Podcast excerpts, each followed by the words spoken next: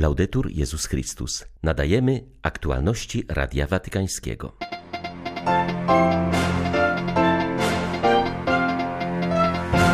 Ludzkość jest zglobalizowana i połączona, ale nadal utrzymują się nierówności, niesprawiedliwości, a także ubóstwo, powiedział papież podczas spotkania z przedstawicielami światowej korporacji Deloitte Global. Młodzi ekonomiści zastanawiają się w Asyżu, jak pogodzić ze sobą troskę o człowieka i środowisko z wymogami rynku i zysku finansowego. Trwają obchody 40-lecia Watykańskiej Fundacji Jana Pawła II. Z jej stypendiów korzysta tysiące młodych ludzi w Europie Środkowo-Wschodniej. 22 września witają Państwa Krzysztof Bronk i ksiądz Krzysztof Ołdakowski. Zapraszamy na serwis informacyjny.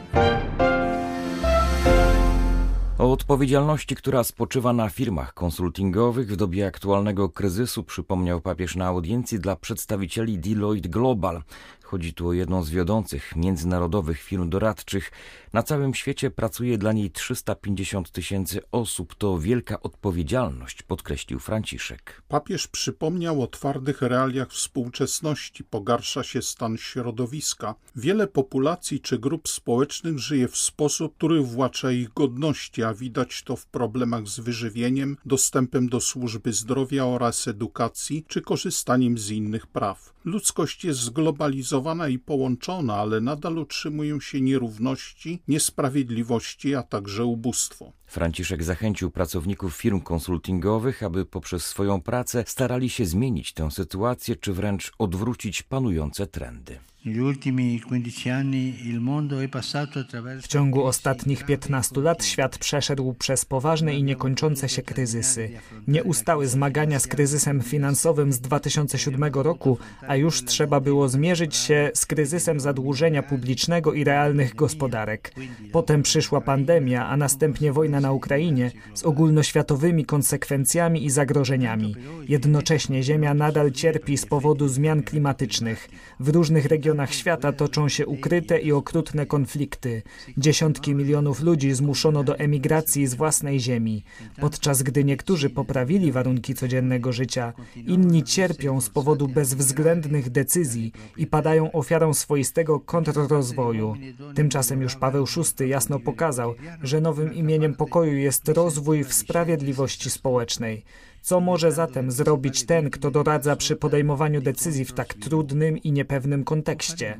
Może zrobić wiele. Może opracować swoje analizy i propozycje zgodnie z całościowym spojrzeniem i wizją. Godna praca dla ludzi, troska o wspólny dom, wartości gospodarcze i społeczne oraz pozytywny wpływ na społeczność są w rzeczywistości ściśle powiązane. Tra loro connesse.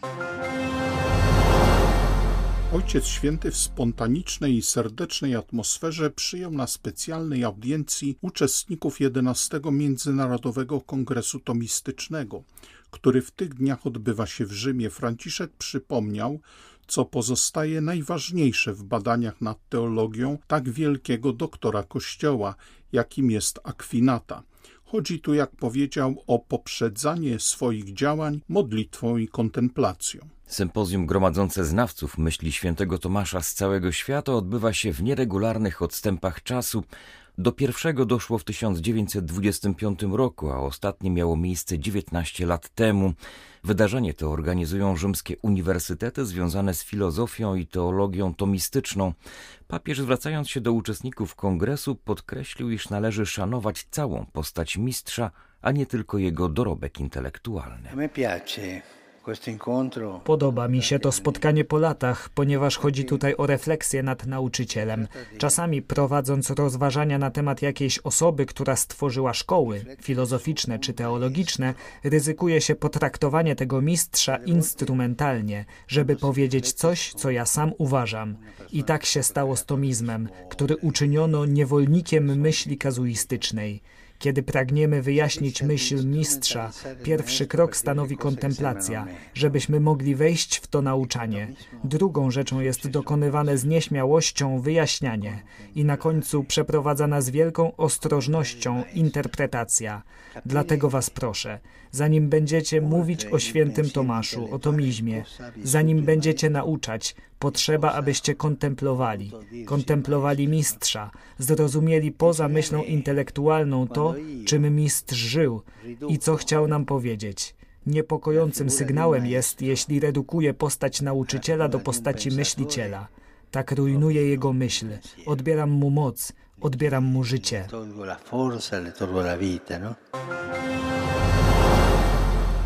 Centralnym elementem duchowości Norbertanów jest wspólna modlitwa, starannie sprawowana liturgia godzin i Eucharystia. Ma to również wielkie znaczenie apostolskie, jest ona bowiem dostępna dla wiernych i wszystkich, którzy zechcą dołączyć do wspólnej modlitwy. Mówił o tym papież przyjmując w Watykanie przedstawicieli zakonu Norbertanów z okazji 900-lecia ich pierwszego opactwa w Premontre we Francji. Zakon ten został założony przez świętego Norberta w kontekście ówczesnej reformy Kościoła. Jak przypomniał papież już w pierwszym wieku swego istnienia, zaznał on dynamicznego rozkwitu i rozprzestrzenił się po całej Europie. Liczne opactwa i klasztory zakorzeniły się w kontekście lokalnego terytorium. Obecność wspólnoty braci i sióstr jest niczym jaśniejąca latarnia dla swego otoczenia. Jednakże ludzie wiedzą też, że wspólnoty zakonne nie zawsze w pełni zachowują ten sposób życia, do którego zostały powołane. Na konkretne doświadczenie chrześcijańskie składają się dobre postanowienia i błędy. Polega ono na zaczynaniu wciąż od nowa wciąż od nowa. Nie trzeba się tego wstydzić, bo to jest droga. Nie przypadkiem w waszej profesji kanoników przyrzekacie prowadzić życie nawrócenia i jedności. Bez nawrócenia nie ma jedności. Ofiarowała swoje życie aż po męczeństwo, tak Ojciec Święty mówił o zamordowanej ostatnio na Haiti włoskiej misjonarce. Papież spotkał się z jej rodziną, współsiostrami i przyjaciółmi, którzy ofiarowali mu kamień z katedry zniszczonej haitańskiej stolicy przez trzęsienie ziemi. Siostra Luisa Delorto była małą siostrą Jezusa. Przez 20 lat pracowała na Haiti wśród najuboższych dzieci. Została brutalnie zamordowana 25 czerwca. Byliśmy bardzo wzruszeni spotkaniem z papieżem, tym, że docenił jej ofiarę życia. Kamień ze zrujnowanej katedry, przy której pracowała, był symbolem tego, że jej życie jest żywym kamieniem, na którym Chrystus buduje swój kościół, mówi Radiu Watykańskiemu siostra zamordowanej misjonarki. Byłam bardzo wzruszona spotkaniem z papieżem i tym, że docenił jej ofiarę. Ona była zaangażowana w swoją misję, kochała te dzieci jest jak ziarno wrzucone w tę cierpiącą haitańską ziemię. Rozmawiałam z dziećmi i pracownikami domu, który prowadził prowadziła. Mówili mi, że bardzo odczuwają jej brak, szczególnie teraz, kiedy grupy kryminalne rosną w siłę, mordują i uciekają się nawet do ataków na Caritas. To prawdziwa tragedia. Porusza mnie procesja ludzi, którzy praktycznie każdego dnia przychodzą na jej grób w naszej rodzinnej miejscowości, gdzie została pochowana. W Lomania już odczuwamy, pozwólcie mi to powiedzieć, roznoszący się zapach jej świętości. 山地大 Watykańska Fundacja Jana Pawła II świętuje 40-lecie swojego istnienia. Działa aktywnie w 23 krajach świata, zapewniając stypendia naukowe dla tysięcy ubogich młodych ludzi. Jak zauważył w rozmowie z Radiem Watykańskim ksiądz Paweł Ptasznik, przewodniczący Rady Administracyjnej Fundacji, rocznica przypadała w zeszłym roku, ale pandemia nie pozwoliła na uroczyste świętowanie. W obchodach bierze udział m.in. osobisty sekretarz świętego Jana Pawła II, kardynał Stanisław Dziwisz oraz członkowie fundacji z 18 krajów świata. W ramach świętowania jubileuszu odbędą się celebracje liturgiczne w bazylikach świętego Jana na Lateranie i świętego Piotra, a także sympozjum poświęcone dorobkowi fundacji oraz perspektywom na przyszłość. O najważniejszych celach fundacji w ciągu 40 lat istnienia mówi ksiądz Paweł Ptasznik. Pierwszym z nich była promocja kultury chrześcijańskiej i wartości chrześcijańskich według tego, co podyktował nam święty Jan Paweł II.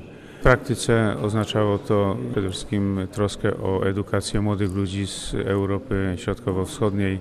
Polegało to na fundowaniu stypendiów dla młodych ludzi z tych krajów które były przez te 40 lat wykorzystywane na uczelniach w Lublinie i w Krakowie. Równocześnie fundacja od samego początku swojego istnienia postanowiła zadbać o przechowywanie i pamięć o pontyfikacie Jana Pawła II i o wszystkim tym, co wydarzyło się w ciągu tych 27 lat Dlatego też powstał ośrodek dokumentacji i studium pontyfikatu. I w końcu trzecia działalność to działalność e, na rzecz pielgrzymów do Rzymu. Dom Polski Jana Pawła II przy Via Cassia służy od samego początku i miejmy nadzieję, że będzie mógł służyć dalej.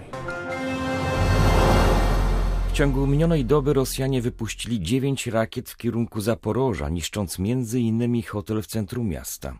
Wielu rannych do teraz znajduje się pod gruzami budynku. Mocno ucierpiał też Charków. Zbombardowano tam dworzec kolejowy, gdzie stały również pociągi z ciałami rosyjskich żołnierzy przeznaczonymi do pochówku. Trwają ciężkie walki na froncie. Każdy centymetr ukraińskiej ziemi jest skropiony krwią naszych obrońców, wskazał arcybiskup Światosław Szewczuk. Hierarcha podkreślił, że należy również patrzeć nieustannie w przyszłość i już teraz, pomimo wojny, starać się o zapewnienie jak najlepszych warunków dla rozwoju Ukrainy wraz z jej mieszkańcami, gdy w końcu nadejdzie pokój. W odniesieniu do zasobów naturalnych zmniejszajmy ich eksploatację, powtórnie wykorzystujmy to, co już zużyliśmy i przetwarzajmy to, co pozostało. Ukraińska ziemia tak potrzebuje dobrego, sprawnego gospodarza, który by jej nie niszczył, ale szanował jak matkę i żywicielkę. Ukraińska ziemia w ten czas pełen zła, w ten wojenny rok tak szczodrze obrodziła, żeby zabezpieczyć dla nas wszystko, czego potrzebujemy. A my rozumnie, mądrze spożywajmy to, co nam daje nasza ziemia. Mądrze to wykorzystujmy, pielęgnujmy płodność ukraińskiej ziemi, a także z wdzięcznością odnośmy się do darów, jakie daje nam Bóg. Niech Pan Bóg podaruje naszemu narodowi mądrość, przy pomocy której możemy budować swoją przyszłość, mądrość zachowania tego, co mamy oraz mądrość mnożenia naturalnego bogactwa naszej ojczyzny. Naszej Zebrani w Asyżu na specjalnym spotkaniu młodzi ludzie formułują nową wizję ekonomii. W wyniku obrad powstanie tekst paktu, który zostanie podpisany przez uczestników wydarzenia i przez papieża. Dzisiaj miała miejsce gala otwierająca obrady Światowej Sieci Młodych pod nazwą Ekonomia Franciszka. Po niej nastąpiły debaty, dyskusje panelowe i wspólna wymiana doświadczeń. Obrady w wioskach tematycznych będą koordynowane przez specjalistów. Jednym z nich jest Rza Aliyev, Azer pracujący jako menedżer do spraw zrównoważonego rozwoju w brytyjskim przedsiębiorstwie naftowym BP.